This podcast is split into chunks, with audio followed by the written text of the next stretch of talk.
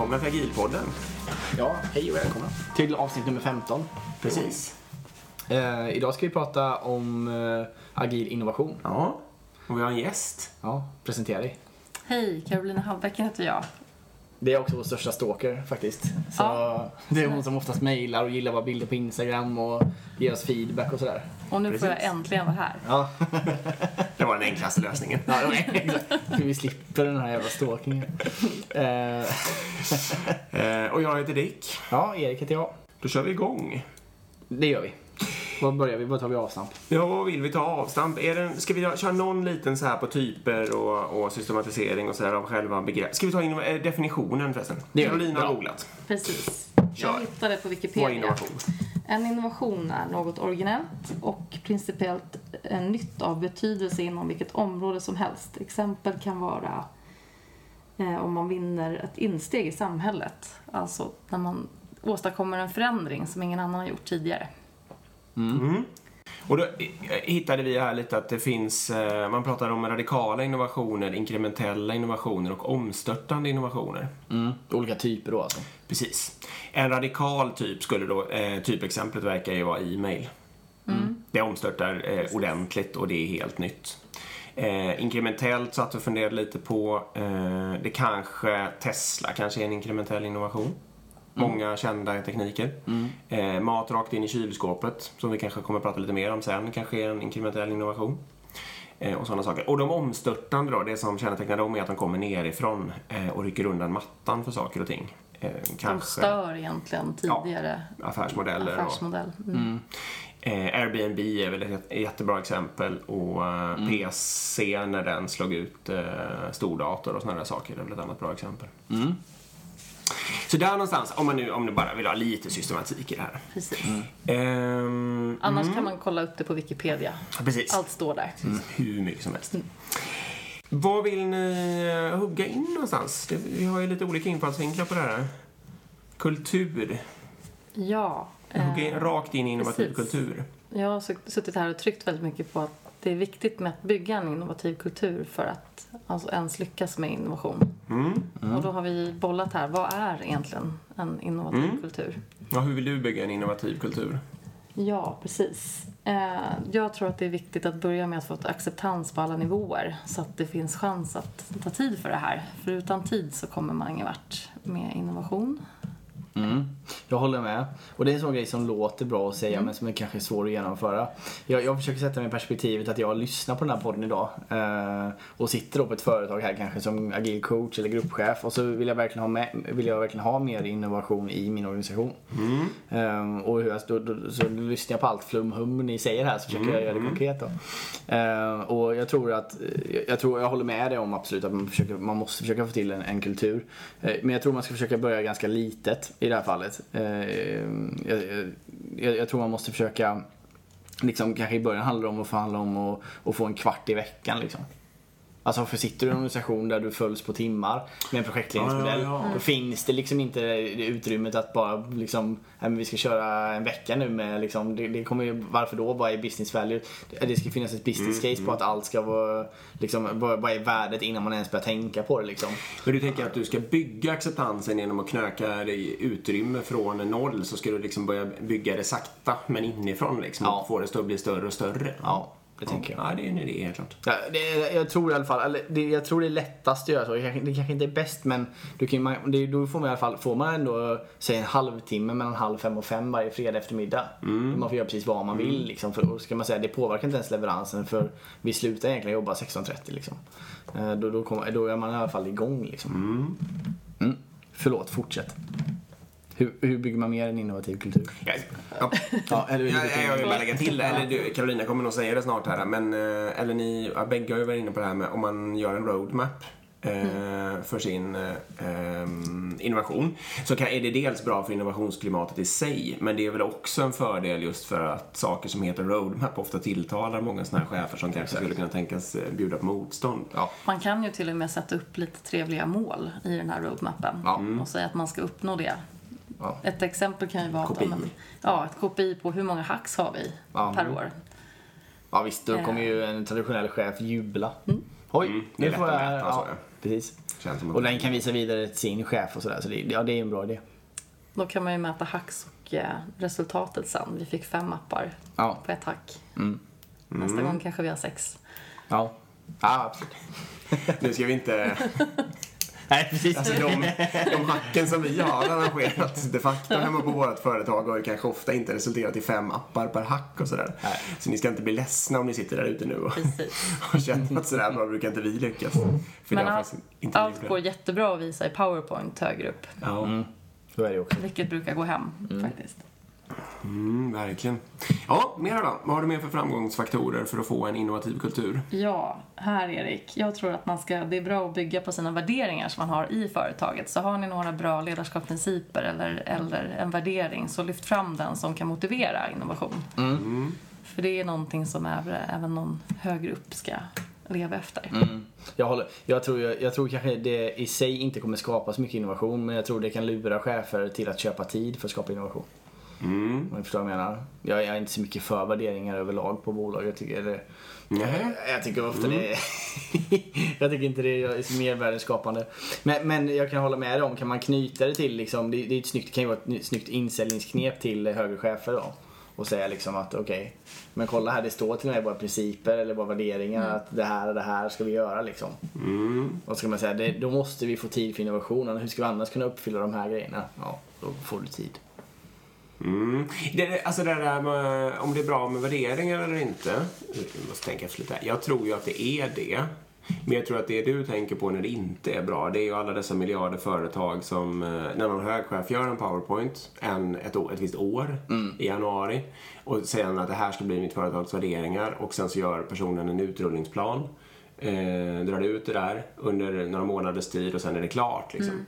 Om man ska få ett värderingsstyrt företag på riktigt då behöver man ju leva med någon slags värderingar år ut och år in tills de verkligen sätter sig i väggarna och skulle sitta kvar även om hälften av alla höga chefer slutade och så vidare. Eller hälften av all personal slutade för den delen. Ja. Eh, Och då tror jag att det är större chans att få ett innovativt klimat på det företaget än ett företag som Absolut. inte har en stark företagskultur. Så det, det håller jag med om. Eh, jag tror bara det är det jag är ute efter, eller det som jag tror är faran är att jag tror ingen människa drivs av värderingar. Alltså förstår ni vad jag menar? Jag tror ingen person går till jobbet bara för att de, det finns bra värderingar liksom. Man får inte tro att, att människor drivs av det. Jag menar, vi ska sälja så här många, vi- ska ha den här ledarskapsprincipen och sånt. Det kommer ju inte göra, om, om jag lovar, gå till vilket företag som helst och fråga en medarbetare på liksom, som inte är chef. Den kommer inte ha en aning om vad det där företaget har för värderingar. Ja, jag får kolla, jag har en powerpoint någonstans på datorn där det står åtta ledarskapsprinciper. De har ingen aning om det. Jag men, kolla på där vi själva jobbar. Jag lovar att ingen vet vad ledarskapsprincipen är som inte är chef. De har ingen aning om vad det är. Nej, det kan den. Eh, Så, så det är lite spel för galleriet och det är vackert uppåt men det används liksom inte så mycket neråt. Nu chansar jag lite här. Jag är inte förberedd på det här, men eh, tror inte du att en eh, genomsnittlig medarbetare på Spotify uppfattar att det är roligt att jobba där och att det är en del av värderingarna? Kanske. Det kanske i och för sig inte står någon powerpoint. Och sen... eh, Nej precis, utan jag tror ju snarare att man får hitta drivkrafter liksom. Och sen, men, och sen tänker jag kanske att om man, eh, en, om man pratar principer och inte bara värderingar, då kanske end-to-end det kanske är en princip som de flesta människorna på Spotify hela vägen ner på medarbetarnivå eh, vet om. Tror jag. Men nu, nu sitter jag som sagt och gissar lite. Så jag menar, på den sortens saker tror jag är ett väldigt stort stöd när man ska få sitt innovativa klimat. Absolut. Och jag, det, jag, det, det finns några som har lyckats med det men det är väldigt få. Med, med just värderingar och, och, och lyckas styra utifrån det. Mm. Men okej, vi ska inte fastna på det. så här då, Men vi- om, om du ja. inte kan förlita dig på värderingarna alls så kan man ju alltid ta fram siffror på att, jag tror jag läste någonstans att 2020 så kommer ja, 75% av företagen som finns, då kommer vi inte ha hört talas om innan. Mm. Eh, Hur mycket procent? 75 procent. Jag kan se om jag kan hitta. Jämfört med vad var basåret?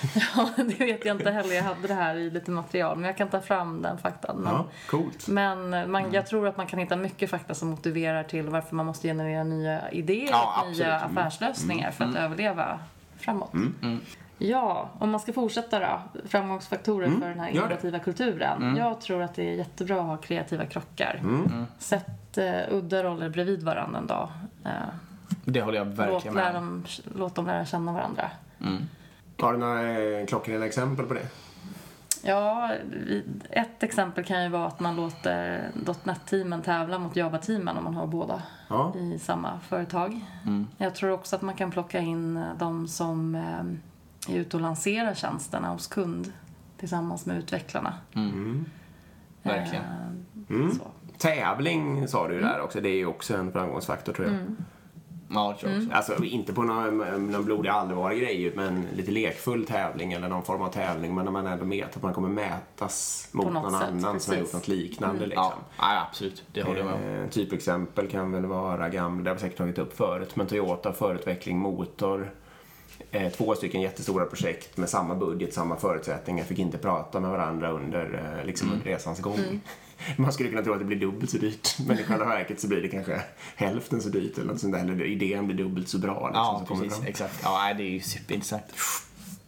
Och där fattar de ju också det då. För det är klart att det på något vis är dubbelt så dyrt, själva arbetet där. Men alla de här människorna som, som sporras och gör allt det här arbetet och får all den här kunskapen och så vidare gör ju förstås att de blir ett vinnande företag i längden. Och det är de ju också. Ja. Och ska vi prata om drivkrafter så är det nog väldigt lätt att hitta ganska många drivkrafter i tävling. Mm, Tror jag. Det tror jag också. Ja, flera framgångsfaktorer. Ja, sista som jag har tänkt på i alla fall att man måste vara ihärdig eller ha en långsiktighet i att om man ska börja bygga det här och ge det tid. Det är sant. Det, det tror jag inte många tänker. Utan många tänker nog att okej, nu ska vi satsa på innovation här. Eh, Det innebär att vi måste ha en idé nu Mm. som ska vara klar i, liksom inom några dagar och den ska snabbt ut och så vidare. Det- vad tänker du när du tänker långsiktighet liksom? Ja, men jag har upplevt själv tycker jag att luften kan gå ur lite. Att man kör ett hack och sen pyser allt ut och så ramlar man ner i det dagliga. Mm. Eh, och det tror jag man måste, där får man försöka lyfta upp sig och så kanske ha en backlog på de idéer som kom upp eller för att kunna ta vid om man skulle behöva. Eller om man skulle behöva, om man kan. Eh, för det kan komma upp mycket bra idéer som kanske inte riktigt går att genomföra just då. Mm, verkligen. Alltså, och sen det, också ha liksom någon slags takt med att man jobbar med innovation. För det är ju ingenting som bara händer. Att plötsligt en dag så vaknar alla och tänker nu ska vi vara innovativa. Utan Nej, verkligen verkligen eh, efterfråga det som ledare eller med, ja, medarbetare. precis. Och nu kanske man ska poängtera då att det är inte fråga om att säga, alltså efterfråga som det står att säga, var innovativ. Utan det gäller ju att efterfråga de beteendena som på sikt kan, kan leda till innovation. Precis.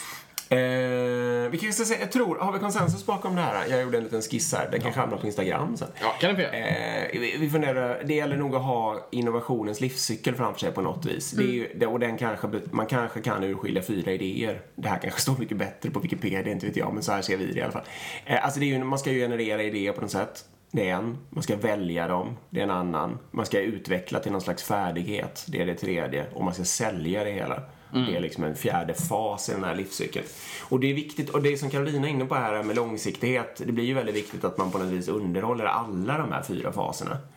Precis. Eh, och, och lite förstår vilken man jobbar i just nu och att man stöttar de beteendena som behövs i alla faserna. Inte bara idégenereringen och för den delen inte heller bara att sälja någonting som man kanske inte ens har, eh, så att säga. Ja men det är sant. Och det är nog där man fastnar just i hackkonceptet. Eller i alla fall eh, där, där jag har fastnat i hackkonceptet. Det är just att man, det är egentligen bara en, en halv dag eller en dag för att generera idéer. Ja. Men man har liksom aldrig tid att bygga något. För men, Nej, det är egentligen bara en inte. prototyp man får Ja, fram. precis. Och sen så bara, det var en bra idé. Okej bra, nu går vi tillbaka till den vanliga verksamheten och så glömmer vi det här. Mm. Det beror ju lite på, ibland när man har väldigt enkla idéer så kan de ju gå nästan hela vägen till produktion. Men det vanliga, de stora, de, liksom, de fantastiska kassakorna är väl sällan sånt som man utvecklar på ett dygn. Nej precis. Utan det kommer bara vara liksom en prototyp på själva idén. Liksom. Så fastnar man, man kommer aldrig vidare i den där livscykeln. då. Nej, Exakt, även om det är väldigt bra grejer. Mm. Och ett steg för att komma vidare, det kan ju vara att man har hacket. Men sen så väljer du ut en jury av lite högre chefer kanske. Mm, Som du har visat din roadmap för. Eh, där de får vara med och se demosarna på alla idéer. Men man väljer att lägga demosarna liksom lite senare än själva hackdagen. Mm. Så att alla får tid att preparera sig för att visa sin idé och, och pitcha in den. Mm.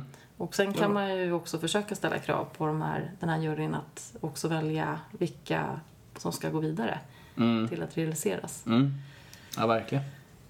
Ja, ska vi glida över det här med tid? Det kändes som att vi gjorde det lite nu. Mm. Det kan vi göra. Ehm, för att om man ska få innovation att hända så behöver vi någon slags tid då till att eh, få tag i idéerna. Och det är faktiskt kanske det lättaste då, på något sätt. Eller då kan man ju till exempel ta hack. Eh, och sådana saker. Men sen eh, för, för, ska man välja idéer och det finns det ju verkligen lösningar på. Det, som sagt, man kan pitcha och låta högre chefer bestämma. Men om man sen ska få dem där att bli produkter eller tjänster på något vis som ändå är, ja, kan bli säljkandidater.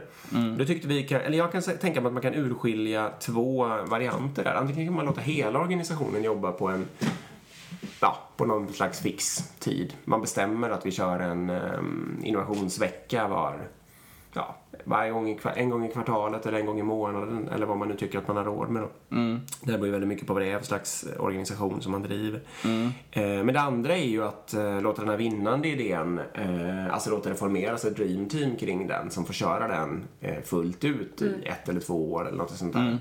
Eh, det är ju en cool tanke, jag gillar det. Blir av med sina andra jobb så att mm. säga, eller det är rätt negativt. Som slipper utföra sina gamla jobb och bli ersatta där någon annan. Mm. Eh, och och det ger ju också en positiv bieffekt att man roterar och att det blir lite mer mixat ja, ibland. Precis, absolut. Att, mm.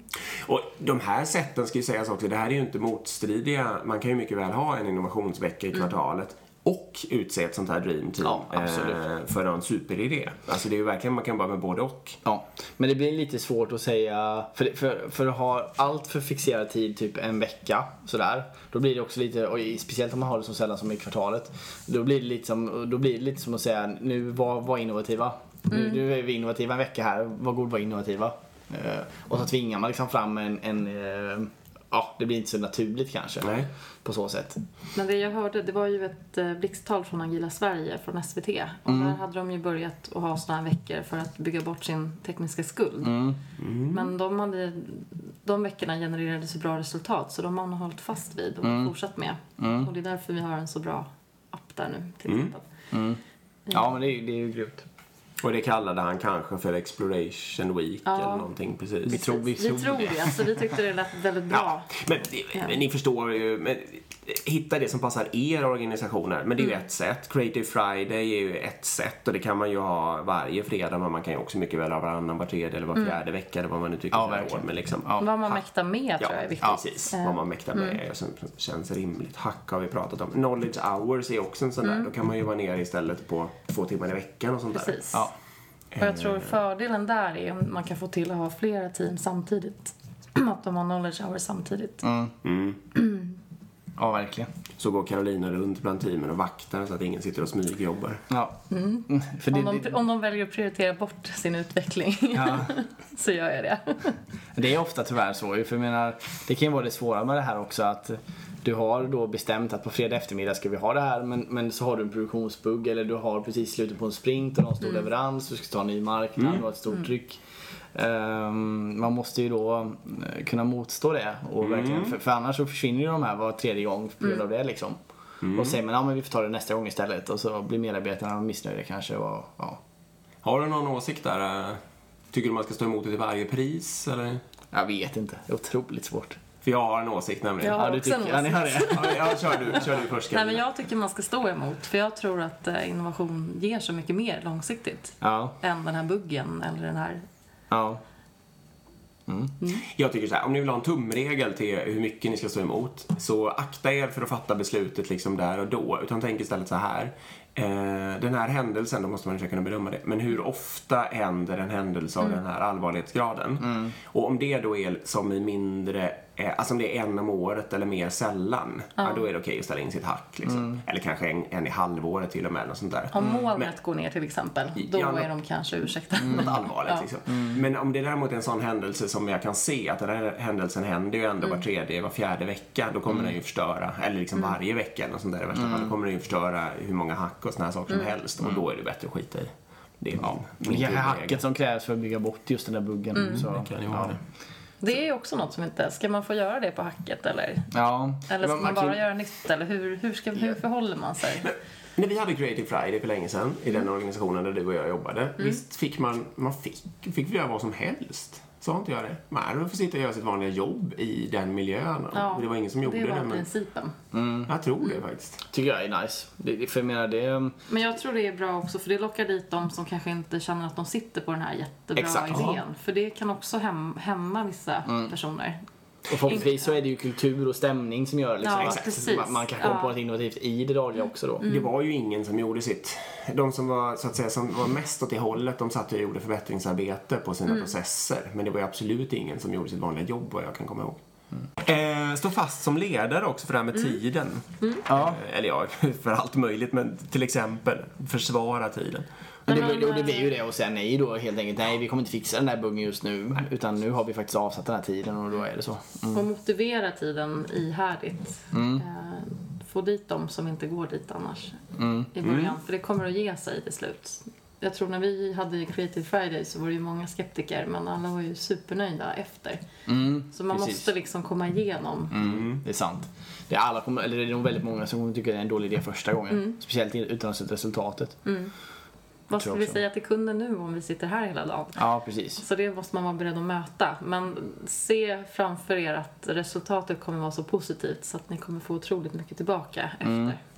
Och det behöver inte nödvändigtvis bara handla om att man får ut en ny produkt heller. Utan Absolut. eh, jag tänker att man får väldigt motiverad personal också. Mm. För jag menar, eh, de sitter ju många gånger så är det där skatten är ju liksom Mm. att eh, i, i, i, i vårt jobb då så är det utvecklarna som sitter på de bra idéerna liksom. Mm, kan Kan, och, och, och, och, de kanske aldrig kommer fram till produktägaren för produktägaren har massor med marknader eller slutkunder Mm. som bara trycker in och hinner aldrig lyssna på vad teamen vill liksom. Eh, så den kanske är helt missat och så är det massor med dumma flöden som en utvecklare ser på en gång och bara kan fixa till. Mm. Vi hade faktiskt med på vårt förra hack som vi hade i den organisationen som jag är nu så hade vi med, då var det faktiskt två affärsutvecklare som hakade på Mm. utvecklingsteamen eh, och tyckte det var fantastiskt kul. Mm. Så det kom över tre till sen och frågade vad vi höll på med. De åkte till och med mellan byggnader för att kolla upp vad som hände där borta. Så det tyckte jag var... Härligt. Ja. Mm, det är ju rätt. Det, Då är man på rätt väg. Verkligen. Eh, vi var inne på det lite, men systematisering. Är det bra eller dåligt? det här kan jag, nu, jag ska förklara bara varför jag frågar så. Eh, det, det väcker ju lite så här. Samtidigt så har vi just suttit och sagt att vi, det, vi har ju själva den här, den här som kommer ut på Insta, liksom det här med livscykel. eh, Det är ju en slags systematisering. Så på någon nivå så tycker vi ju att det är bra. Eh, å andra sidan så om man översystematiserar det hela så kommer ju all kreativitet försvinna i processen och det kommer inte bli någon innovation.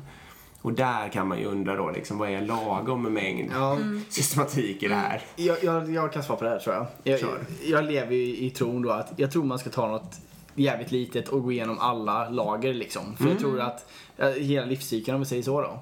eh, faktiskt. det För, tror jag för jag tror det är väldigt lätt att man lägger väldigt mycket tid på att generera väldigt mycket idéer och sen så kommer man liksom aldrig vidare därifrån. Eh, eller att till och med att välja idé och kanske till och med utveckla den. Men jag tror ju att det är bättre liksom att sälja någonting i princip för en krona då. Sälja en grej, ja. Ja, en grej för en krona. Och, och är det bara två kunder som köper den, då är det fine för då har ni liksom testat hela cykeln. Och sen utifrån det ska man titta liksom, okej hur kan vi bredda det här nu? Hur kan vi få mer än två kronor och hur kan vi få mer än två kunder? Ja, men det är ju rätt. Ehm, Det är ju helt rätt. Ja. Så har ni inte, försöker ni bedriva innovation och har ni inte fått ut en enda grej till slutkund eller slutanvändare. Då ska man inte fokusera på systematiken tror jag. Utan då ska man fokusera på att få ut någonting. Precis. Det, det, det, det var min poäng. Och- Så jag tror man ska akta sig med för mycket eh, grejer runt omkring. Utan fokus på att få ut en grej Ja. först. Och sen så kan man bygga en systematik runt det. Sälj en billig grej till förlust, det är okej. Och Ja. eh, skit i, alltså självklart försök fatta ett klokt val, men fastna inte på det heller utan chansa hellre. Ta en bara som känns bra liksom och prova och dra den hela vägen. Ja, eller för att testa en sån grej kan man ju också istället för att hacka eller någonting testa att eh, utvecklarna får gå ut till kund och vara där en vecka. Precis Ja. som du nämnde tidigare Erik, att, att eh, de får sitta där. Men nu är vi inne på det här, någonting. Mm. börja med kunden-frågan här. Det finns ju någon slags sån teori att innovation börjar i, man ska se på tillvaron från kundens perspektiv. Ja, man brukar väl också säga att man ska hitta kundens pains and gains. Alltså, vad gör det ont? Vad gör det mest ont hos kunden? Det finns bara en rolig sån uh, jättegammal. Om, det, det var Henry Ford som sa det. Han sa det hade jag frågat kunden vad de ville, ha- vad de ville ha så hade de sagt en snabbare häst. Mm. Ja, Och det är också lite sant. Alltså, du, du får ju inte en... Ja, man får inte fråga dem. Nej, Nej, det är sant.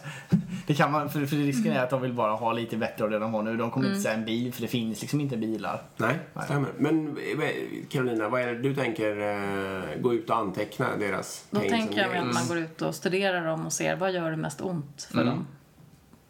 Och vad skulle de ha störst, gain är vad skulle de ha Precis. störst nytta av att slippa göra eller något sånt där. Sadla kanske, eller något sånt där. Nej, men det, det är bra. Men, men det, är, det är en viktig, jävligt viktig differens rumpan. där. För jag tror att det man lätt gör är att fråga vad vill du ha för lösning. Inte, inte fråga vad är dina problem. Utan man, man går ut och frågar vad vill du ha för Precis. lösning. Och då kanske man inte får det mest innovativa. Får jag ta salladsexemplet nu eller? Ja, nu får du det. Carolina och jag var på en, eh, något seminarium i Göteborg kring innovation. Lean Var Tribe? Lean Tribe. Det var nog Lean Tribe. Ja, det var nog ja. Med eh, tema innovation. Och då tog de upp ju- just precis det här med att hade man frågat kunden vad de vill ha för sallad så hade man ju inte fått något vettigt svar. Den hade väl varit grönare, godare eller billigare eller något sånt där. Eh, och hade man bara produktutvecklat, alltså inte varit hos kunden utan bara försökt göra bättre isbergssallad eller salladshuvuden, då hade de ju blivit billigare och grönare och bättre och så vidare. Men genom att gå ut och titta, vad är det egentligen som en, en vanlig familj, liksom, vad är utmaningen, hur går det till där i matlagningen och vad är det som är jobbigt liksom, att tvätta och, och blanda och köpa flera olika sorter och vad det nu är. Det var så den här, de här påsarna med blandad sallad kom till, liksom, färdigblandad sallad. Sköljd och klar liksom. Ja, och det hade liksom inte gjort om man hade produktutvecklat eller bara frågat kunder. Det är ju just det som är poängen. Då. Så det är så, ja, det är precis det du säger. Gain and eh, pain som undersökning men inte, mm, ja, inte fråga vad de vill ha. Inte fråga efter lösningen utan bara fråga efter, efter fakta. Liksom. Eh, Mm. Tack, nu Ja. jag ta den. Intressant. Nu ska jag försöka vara tyst lite. Nej, nej, det är okej. Prata på. Vi är inte här för att vara tysta. Nej, mm. Ja, jag har ju några till här. Vi hade något om Instagram också. Vad var det? Kom in på det. Nej, det var apropå att det kan ske en omstörtande innovation. Jaha, okej. Det var Men vi kanske aldrig sa det. Liksom. att det är där vi har våra foton idag. Mm, verkligen. Jag tar, jag tar, jag kör tar den storyn nu. om hur Ja. Instagram kom till. Har ni hört det? Nej, kör. Nej, det, det var, nu- nu har jag, det var ett tag sedan jag hörde detta så ni får rätta mig om jag har fel. Ehm, men det var alltså en, eh, en amerikan som åkte till Paris på en fotokurs. Eh, och sen så fascinerades han av att de fick olika uppdrag då, fota ett träd liksom till exempel. Ehm, och då gjorde de det och då blev han fascinerad av att han kunde liksom inte säga, de, han, han försökte rangordna alla i klassen vem som var bäst, ett till liksom, ja, hur många nu, 20 då. Eh, men för varje uppgift de fick så var det alltid någon an, alltså det var inte samma person som vann liksom. Utan. En vann på trädet, en helt annan vann om det var porträtt och en helt annan vann om det var eh, liksom, staden och sådär. Så han försökte hitta någon ja, systematik i men Mm. Vem tråd, är liksom. egentligen bäst fotograf liksom. Ehm, och sen så fick de uppdraget att fota med eh, en sån här kamera som skriver ut, vad heter de? Eh. Polaroid. Ja, polaroidkamera. Eh, och då insåg han att oj, shit, alla blev... Det var helt omöjligt att säga vem som var bäst. Alla bilder blev bra liksom. De skulle fota någonting med polaroid för det var liksom ett gammalt filter och det såg liksom... Och då här insåg han då, okej, om man skulle bara lägga ett sånt filter över alla bilder så skulle alla tro att de är bra fotogra- fotografer. Och det var därifrån då, han knackade ihop den appen på mindre än två dagar. För det var bara liksom att lägga några filter på. Och sen så blev alla bilder bra. Och det var det som var grejen för han trodde liksom att om folk bara tror att de är bra fotografer så kommer de bara ösa in bilder i det här det är mediet liksom. Ja, Så det var så det kom till då. stämmer ju också. Ja, jag tänkte det är det man gör Ja, han fick, han fick ganska rätt. Om man sitter, där, om man sitter där med här filter och tror att man är grym ju, eller hur? ja. Ja, jag, vill, jag vill gå in på de här. Har ni hört talas om Google? Nej. Det är ett amerikanskt företag. Eh, och de, i vissa kretsar tycker ju människor att de är duktiga på innovation. Och de, det får man väl hålla med om att några saker också är väldigt bra som de har gjort. och de har gjort den här, det är säkert väldigt många av er som har hört talas om det här. Men de har gjort en forskningsstudie på, i, tror det är två år, på 180 team i sin organisation. Och tittat på vad som är gemensamma faktorer för, eh, för när innovationen händer. Vad det är som är framgång, så att säga. Eh, och då har de kommit fram till fem stycken faktorer. Och jag tänkte inte gå igenom alla. Ni kan googla, eh, läsa. Om man googlar på Google Successful Teams så dyker den upp direkt. Eh, men det är en så- av de här faktorerna som sticker ut då. Och det kallar de för psychological safety. Själv brukar jag prata om safe to fail. Eh, att vill ni ha innovation så måste ni ha ett klimat där misslyckanden är tillåtna och där man inte känner sig dömd. Nej. Eh, för annars så dör det liksom bara. Det går verkligen inte. Så att är det någonting man måste börja med eller liksom tänka på hela tiden för att åstadkomma det här så är det ju just det, safe to fail eller psychological safety. Det ska kännas tryggt och säkert att liksom komma med sin åsikt. Även dumma åsikter ska få komma fram. Dumma idéer måste få komma fram. Rejäla misslyckanden måste få hända och man kan Ja. fortsätta att jobba och så vidare bara man har försökt. Liksom. Ehm, Ja, Ja. verkligen. Och Så det vill jag skicka med. Superviktigt. Väldigt, väldigt viktigt. Mm. Väldigt, väldigt svårt att få till men också väldigt, väldigt viktigt. Ja, också väldigt lätt att Jag få till. tänkte- Men eh, det beror ju på vad man har för drivkrafter och personlighet då. Ja, men jag bara tänker att teoretiskt lätt att få till men jag har fortfarande inte, jag har inte sett någon organisation där jag tycker att det är helt safe to fail utan att, att det finns jag menar, titta bara på hur det styrs idag med, eh, om man tittar traditionellt i alla fall, med uppföljning på budget och liksom kontroll uppifrån från höga chefer och så vidare. Ja, men det finns ju inte utrymme att, att göra fel på en halv miljon liksom. Och jag menar, säg då att man skulle sätta ett utvecklingsteam på att utveckla något i helt fel riktning och det kostar 20 miljoner. Det får du sparken för på vilket svenskt företag som helst. Ja, men i det fallet skulle man ju inte, man måste ju inte dra igång en sån grej. Eller liksom, det, det, om, då vet du att det kommer att kosta 20 miljoner redan när du börjar. Eller Nej, det vet du väl inte. nej, men du vet, du, du vet vilken pengar. burn rate du har och då skulle du väl säga det till din chef redan då liksom. Ja. Men ni förstår nog vad jag menar. Ja, jag tror jag inte förstår det. Ja. Men jag kan nog känna att det är ganska lätt att etablera det hos teamen. Sen kanske det är svårt ibland när man får direktiv Mm. mot sig. Men, men man kan fortfarande leda teamen så. Mm. Eh, Det är sant. Det behöver inte vara hela vägen upp. Nej. liksom. Nej. Så där har man Nej. ganska stor chans att påverka om man ser till att ha team. För man kan, det är lätt att skydda dem från det. Mm. Ja, det och kan man skapa klimatet i sin bubbla Man kan göra en liten bubbla runt om och så Mm. absolut, det håller jag med om. Det håller jag med om.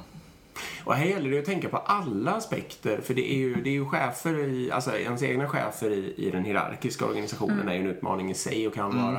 Men det är också de här äh, inputen som kan komma från den så kallade verksamhetssidan och så vidare. Ehm, för det tror jag kanske när, bägge ni har jobbat med mig liksom. Ja. Men jag, Jag tror också man ska vara modig och bjuda in verksamheten. Absolut. Låt dem vara med, låt dem vara med och påverka hur hacket ser ut några gånger. Så kommer de kanske tycka det är minst lika bra som... Absolut, men jag är på den här dömarsidan. Mm. Att det, är väl det är väl faktiskt tråkigt nog så är det väl inte helt ovanligt att det är verksamhetssidan som, ehm, som lite sprider den kulturen Mm. omkring sig. Att, att utkräva någon slags ansvar fast på ett lite, ja, på ett dömande sätt. Absolut. Och, liksom, så, och så länge du, så länge du har kreativiteten. så länge du har en organisation som har en beställarorganisation och en Mm. utvecklingsorganisation så kommer du, då är den kulturen nästan given. Mm, det för, för de sitter liksom i det dolda och inte- vet inte vad som händer och så får de inte tillräckligt med leverans och det är sent och då kommer de liksom hela tiden ha en frågasättande eh, ja, frågasättande titt på, på din del av organisationen och säga vad fan håller ni på med? Och sen kommer du då och säger ja men vänta nu vi har Creative Fridays här så vi kan inte lösa era buggar nu och då smäller det ju helt liksom. Nej, så Så- den frågan behöver man ju verkligen hantera. Ja, och, det, och återigen då om vi tittar ut över IT-landskapen i Sverige, hur ser det ut? Jo, nästan alla organisationer har en sån IT-utvecklande organisation och en beställarorganisation. Eh, Som gör att det blir omöjligt att ha en safe, safe to fail-kultur. Omöjligt är det inte, men det är Nej, svårare. Eh, bjud in dem som jury. I just det där fallet med Creative Fridays och, och hack och sånt där. Ja, verkligen. Det är en bra idé. Nu, jag har knappt sagt det, men vi tycker ju då att det här liknar en agil kultur. Eller att en agil kultur är en jättebra grundsten också för att odla en innovativ kultur. Ja, Alltså jobbar du agilt så, så har du är du nästan i mål skulle jag vilja säga. Du har Mm. teamen, du har, man har ändå friheten på något sätt att styra Mm. sin tid. Självbestämmande team Ja, ja, precis. som fattar sina egna beslut i vardagen och så vidare. Och det är ju jättestarka grundstenar. För det är det. Man har ju, eh, agilt rimmar ju också med att bygga en safe to fail-kultur. Man har korta interaktioner som gör att det, gör ingenting om man jobbar lite fel, om man har ett retrospektiv för att få rätt riktning igen och så vidare. Ehm, och förbättra sig och sådär. Så, Man försöker vara nära kunden, man försöker få återkopplingen och Precis. alltihopa. ja. så, så det är ju en väldigt bra förutsättning för att bli innovativ. Utmaningen jag kan känna ibland då, om man jobbar på ett större bolag, är att ibland att teamen är ganska omedvetna om intäktsströmmarna och hur tjänar vi pengar här. Så det tycker jag också är liksom en, en målbild där, kanske att utbilda dem lite mer i det. Eller försöka utmana dem i att Mm. Men det, för, det, det. det blir, ju för att förstå den Ja. här biten. Om man tittar på livscykeln igen, alltså säljbiten och hur får man in pengar för det här liksom. Eh, För, ta, saknar man den biten så blir det ju väldigt svårt att förstå livscykeln och få hela få, få det att rulla hela vägen. Och tänk nu för allt i världen på det, alltså på det som Erik sa här alldeles nyss med, eh, alltså lyckas ni få ett enda exempel hela vägen ut, då blir ju det en jättebra utbildning i sig att visa för alla. Nu har vi sålt den här lilla appen här för fem kronor och det är bara 18 personer som har tankat hem den liksom. Det här var ingen succé. Nej. Men det är så här det går till. Men nu har vi en pizza på bordet för de pengarna har faktiskt genererat den pizzan. Så. Ja, typ. Ja. Och precis, eh, och det är liksom det vi finns till för och så här svårt det är och så vidare. Så att hela organisationen får upp känslan för det. Jag kan bara lägga till, nu har vi inte pratat om det heller, men Kör. något som kan hjälpa till för att skapa den här innovativa kulturen är ju också att ha en arkitektur alltså som stöttar det. Så Det att är man eh, har, som ni tidigare pratade om i förra podden, det här med att ha den uppstrimlad så att man har mycket Mm. frihet med att kunna lansera Mm. eh, sina produkter. Mm. Det stärker och ger väldigt mycket. Och Ja. är, ja, precis. Säg Erik. Det är ju precis, det blir väldigt, väldigt jobbigt om det är så att du kan inte ens produktionssätta utan det ska gå till någon annan Mm. som ska göra det åt dig och då har inte de tid och då måste du liksom äska pengar hos dem Mm. för att Ja. få det och, ja, och så vidare. Nej, så, det Så håller jag med om. Det Det, är, det är en förutsättning för agilt och, och förutsättning Ja. för innovation. Det du säger nu är att arkitektur, man ska inte ha så mycket beroenden i sin organisation eller kring sin arkitektur. Loosely coupled systems läste Mm. jag här. För det, precis, jag var precis- precis på väg att säga det. Eh, lös koppling är ju ändå en grundförutsättning för att kunna chansa lite på någon del eller lägga till en del utan att allt annat krånglar och så. Eh, det är otroligt bra. Vi har pratat om det förut också. Det är också en del av agil utveckling tycker jag. Men vad heter det? Mm, Feature-toggling. Mm, just det. Eh, kan, om man kan göra sin innovativa idé och bara släppa, alltså i den vanliga produkten, men bara släppa den på eh, fem användare i första vändan. Så är det ju värt väldigt, väldigt mycket. Facebook gör ju det till exempel, så det är väl det största exemplet på det. Mm. Eh, De provar ju på stora populationer och också olika kulturer Mm. i och med att det är en världsapplikation. Eh, olika funktioner och tar feedback på det då och sen så efter ett tag så kopplar de på mer och mer och mer och till slut får alla det. Mm. Så de släpper aldrig någonting till alla på en gång liksom. Utan de, de samlar feedback på det sättet. Det gör ju att det blir lättare att testa galna idéer också. Mm, För då är det bara att stänga av om det inte funkar. Ja. Eller rulla tillbaka. Precis. Och har man kommit dit då, då är det ju inte så svårt att lan- lansera sin innovation. Nej, det blir mycket lättare. ja. Absolut. Så är det. Men jag tror också så här att om man nu inte riktigt är där så kanske det är bra att bara ha det som målbild för ett hack. Att skapa den möjligheten. Alltså just för det hacket. Mm. Att även om du sitter i miljöer där du inte är, är målet så försök få till en målmiljö som, de, som dina team kan Det hacka i liksom just den dagen. Precis, man behöver inte använda befintlig infrastruktur Nej. på ditt företag för, för hacket. Utan Du kan ju låta bygga det här helt utanför. Och så får du bara ha fake-data något istället. Så om, det, om det är känslig data ni sitter på. Mm. Det, det är en bra idé. Absolut. Och det kan ju i sin tur skapa massor med bra andra grejer. Man kan se fördelar med att använda sån typ av hosting och det kan då göra att företaget går åt det hållet och sådär. Så man kan liksom bara, inte bara skapa en produkt utan man kan få liksom det, det kanske vi har missat lite, att man kan innov- alltså göra processer och sånt innovativa också. Att man kan ta bort Precis. massor med waste i Ja. organisationen. Och det handlar, för nu har vi pratat väldigt mycket om att skapa en ny produkt för att tjäna mer pengar. ja. Liksom. Ja, precis. Vi tog ju fram ett spel som skulle på ett lätt sätt visa hur man genererar värde, eller flöde. Ja, ju, Fel person att förklara här. Flöde i alla fall. Ja, Mm. precis. Flödesspelet.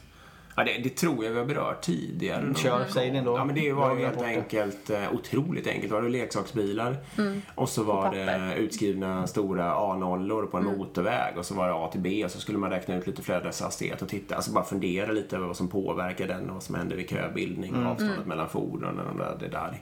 Eh, otroligt lärorikt i, i all sin enkelhet. Ja, det var kanske någon slags eh, innovation av, alltså på processnivå och inkrementell liksom. Eller ja, det var ju egentligen en utbildningsinnovation får man väl kalla det.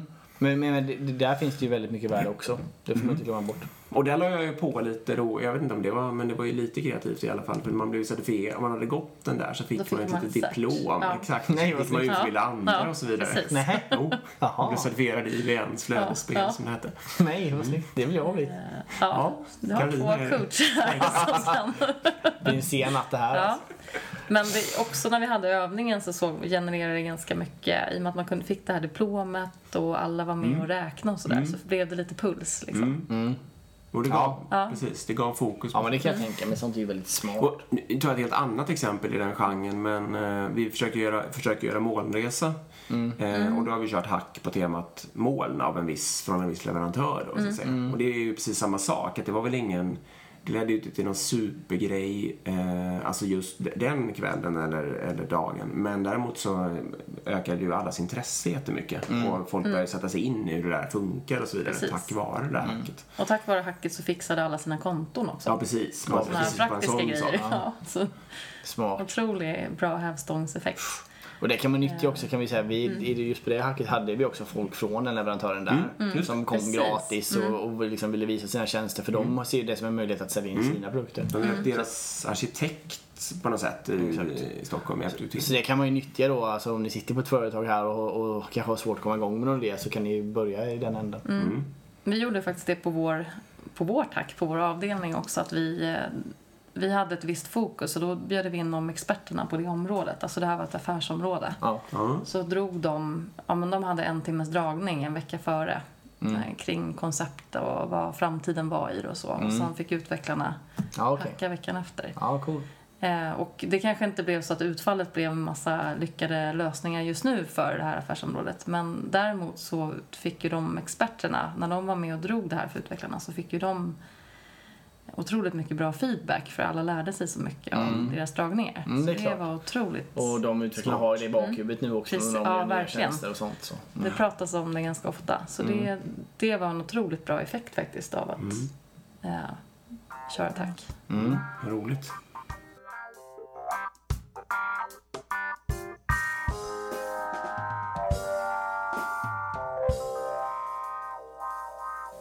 Ska vi summera ihop lite nu då? Om, om, om vi säger så här att jag, jag, jag tar tillbaka den här rollen som eh, att jag sitter i en organisation nu i, i Sverige och så ska jag gå till jobbet uh, imorgon här.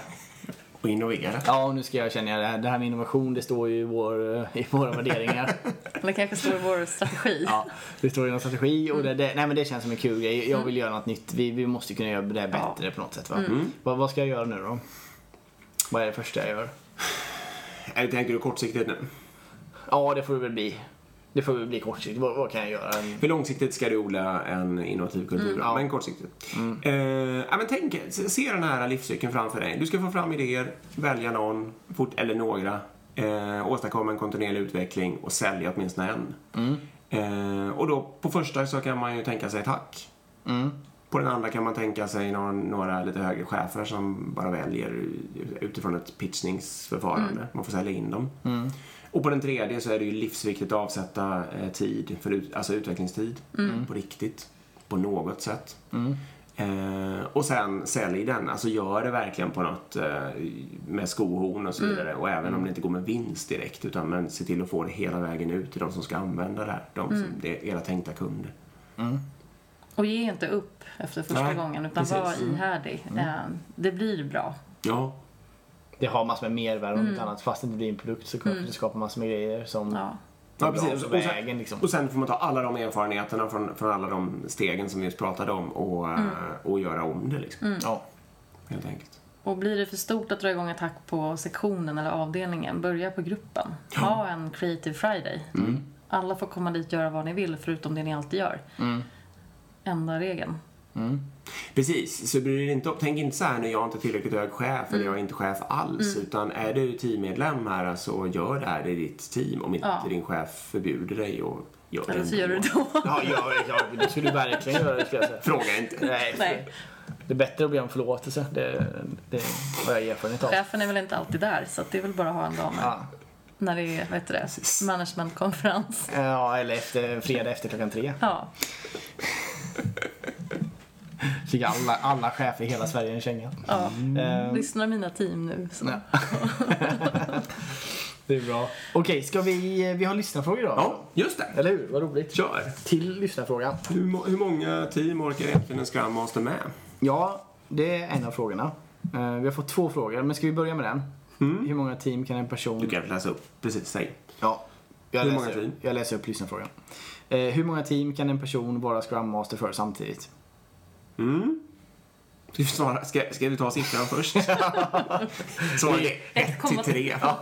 det får inte vara fyra. Det går... Nej, det är ju en väldigt svår fråga såklart. Ja, Det är mycket beror på. ja, det är mycket beror på i den. Det beror, beror mycket på såklart mogenheten på teamen också. Mm. Eh, och, Kan man fråga teamet eller?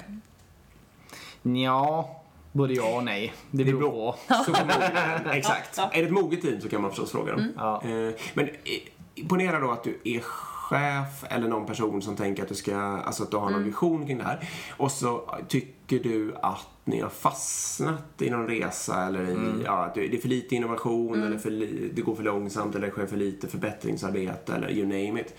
Då kan man inte fråga teamet utan då måste man ju tillsätta tillräckligt mycket Scrum Master som är tillräckligt ny med tillräckligt mycket liksom, kreativitet för att få det att bara hända saker. Så det beror, men däremot om det bara liksom är en fråga om att få det att funka och flyta, då kan man ju låta teamen bestämma sånt själv. Ja, sen beror, det beror lite på med, har man, eh, är det, är det liksom team som har samma takt så blir det väldigt, väldigt mycket för en Scrum Master på just en sprintplanering. Alltså på första dagen i eh, sprinten. Om man har tre team så blir det ju liksom, det kan bli väldigt, väldigt mycket, till och med omöjligt. Eh, och samma sak på retros och, och sånt då. Eh, Stand-ups är ju inga problem. Samtidigt som man löser en stor del av kommunikationsutmaningen. För att man. troligtvis, annars är det tre människor som ska prata med varandra. och då behöver man ha någon Scrum av Scrum. Ja, I värsta sånt, ja. fall, exakt. Eh, så. Men, men eh, okej, rent erfarenhetsmässigt så har vi haft, jag har haft upp till tre team på en Scrum Master och det har funkat väldigt bra. Det går. Det går. Det beror, man kan låta teamen göra mycket av ansvaret också. Och är det något väldigt svårt läge, något som ska startas upp och är väldigt omoget, eh, låt Scrum Master vara helt ute på bara ett. Ja, det är väldigt mysigt när det blir så. Alltså om man har en har man en heltids Scrum Master och en heltidsproduktägare på ett team, då får man ut otrolig effektivitet. Ja, jag håller med. Men många tycker att det är då waste för om man jobbar om så mycket och så här, men, men det blir väldigt, väldigt trevligt. Ja, men låt Scrum Mastern utveckla eller testa då. När den inte ska... Ja, om det blir tid över liksom. Precis. Kan man göra också. Det finns faror med det också. Men... Eh, bra. Eh, hoppas det var svar nog på frågan. Ja, följdfrågan. Vi har en följdfråga också. Och det är vilken detaljnivå bör en Scrum måste vara insatt i den produkten eh, som teamet levererar. Eller teamen. Mm. Team-teamen. Ehm, Det beror på. fan, vi är ju genier. Men ja, vi, kan jag. vi kan säga lite vad det beror på också. Ja, det kan vi försöka göra. Eh, jag- tycker att det ofta är ganska fördelaktigt att ha produktkunskap. Eh, På ett sätt tycker jag det visar eh, engagemang och intresse. Alltså att man förstår vad, vad sitt team faktiskt levererar och gör. Ehm, och inte ha en aning, det blir lite konstigt. Å andra sidan så, man, som Scrum Master är man ju inte ansvarig för produkten utan snarare processen.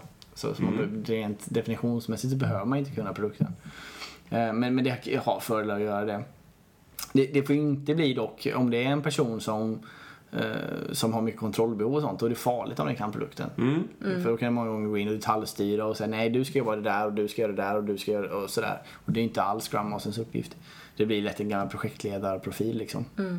Ehm, men, men, men generellt tycker jag det är bra. Va- va- Varför jag tycker det är bra det är, det är också för att man vill försvara teamet. Man vill stå upp för, med teamet kanske mot produktägaren och skydda dem. Mot för mycket arbete eller felaktiga beslut eller sådär. Och då är det bra för om inte man kan produkten som Scrum Master så finns det risk att eh, produktägaren eller verksamheten eller någon chef använder teknikkortet och går runt dig bara. Alltså de säger du förstår inte hur viktigt det här är för den här produkten, att den, just den här grejen blir fixad och sådär. Och då är det bra som Scrum Master kunna ta den argumentationen och säga jo, jag förstår visst det, jag, jag har koll på det här och så vidare. Eh, mm. Det omvända exemplet skulle kunna, alltså med samma faktor men när den slår åt andra hållet kan ju vara om man har ett läge där man försöker bli agil men kommer från en kanske väldigt tekniktung och planeringstung tillvaro. Eh, där det är väldigt mycket teknikdiskussioner och kanske arkitekterna är starka och tycker väldigt mycket och sådär. Då kan det vara en fördel att inte kunna tekniken för att då kan man bara gå in och titta på processen. Ja. Eh, och, riskerar inte att fastna liksom. Nej, jag håller Så det, med. det kan, man, man kan tänka efter det. Ja, det, verkligen. Det finns inget varken eller där utan Ja, vi har faktiskt ett team till och med som kör, och det kanske inte är det bästa, men det funkar jättebra för dem. De roterar varje sprint. ja. Nej, men det, Ja, men det kan- det är ofta en god idé. För de hamnade i ett läge där de fastnade med Scrum Mastern, att det blev för processstyrt istället för produktens bästa. Men det var troligtvis ett ganska moget team då, kan Ja. jag gissa. Mm. Jo, men, men det, är- det, är en, det är en god idé. Absolut. Och det gör också att Scrum Mastern inte blir så administrativ. Nej. Nej, precis. Och det här har vi pratat om förut också, var inte rädda för att ändra det liksom. Man kan ha roterande ett tag, kanske man fastnar, farten kanske inte ökar eller vad man Nej. är ute efter. Då kan man ta in någon ny, kan ha den ett tag, Ja. få lite fart och kreativitet. Och ska, så kanske man känner att den uppsättningen fastnar, då kan man gå tillbaka och köra själva. Och så vidare. Ja, jag håller med. Roterande Scrum Master, alltså, alltså att byta den personen, det tycker jag är viktigt. Eh, Jag är själv ganska, jag gillar att ha det som konsultroll. För då kan man kasta in och ut precis hur man vill. Ja, precis på väg att säga. Det är den enda rollen som Erik accepterar att man använder konsult. Ja, jag gillar verkligen det. För, för då, det är in och ut och sen tycker jag det, det är väldigt mycket fördelar. Jag menar en Scrum Master vill ju helst, om någon, om att en, en har jobbat med det i samma produkt i fem år och samma team i fem år. Då är den personen helt, då har man ju tappat lite vad som Ja. händer också i den agila världen och sånt. Utan man vill ju helst ha någon som har varit på fem andra bolag de senaste sex åren. Och sen komma in med massor med fräscha idéer, tankar av ett år och sen bort igen liksom. Så, mm. Bra. Hoppas det var svar nog. Kul med frågor, fortsätt Ja, skicka in det. gör det. Agilpodden gmail.com Mm. eh, eller skriv på Instagram. Mm. Det vi försöker läsa det också. Och där ni också kan hitta den fantastiska livscykelsketchen Mm. Ja. om några minuter. Vi kan försöka lägga upp den där. Uh, Agilpodden heter vi där, ja precis. Mm. Så det är bara att hitta oss. Tack för att ni lyssnade. Ja, tack, Tack, tack. tack Carolina för att du var med. Ja, ver- ja förlåt. tack Herregud. själva. Ja, du, är så natur, du är en del av Agilpodden numera. ja, verkligen. Supertack för att du kom och delade med dig av dina eh, kunskaper och Ja. innovation. Var superkul. Ja. Tack själva. Ha det bra. Hej. Hej.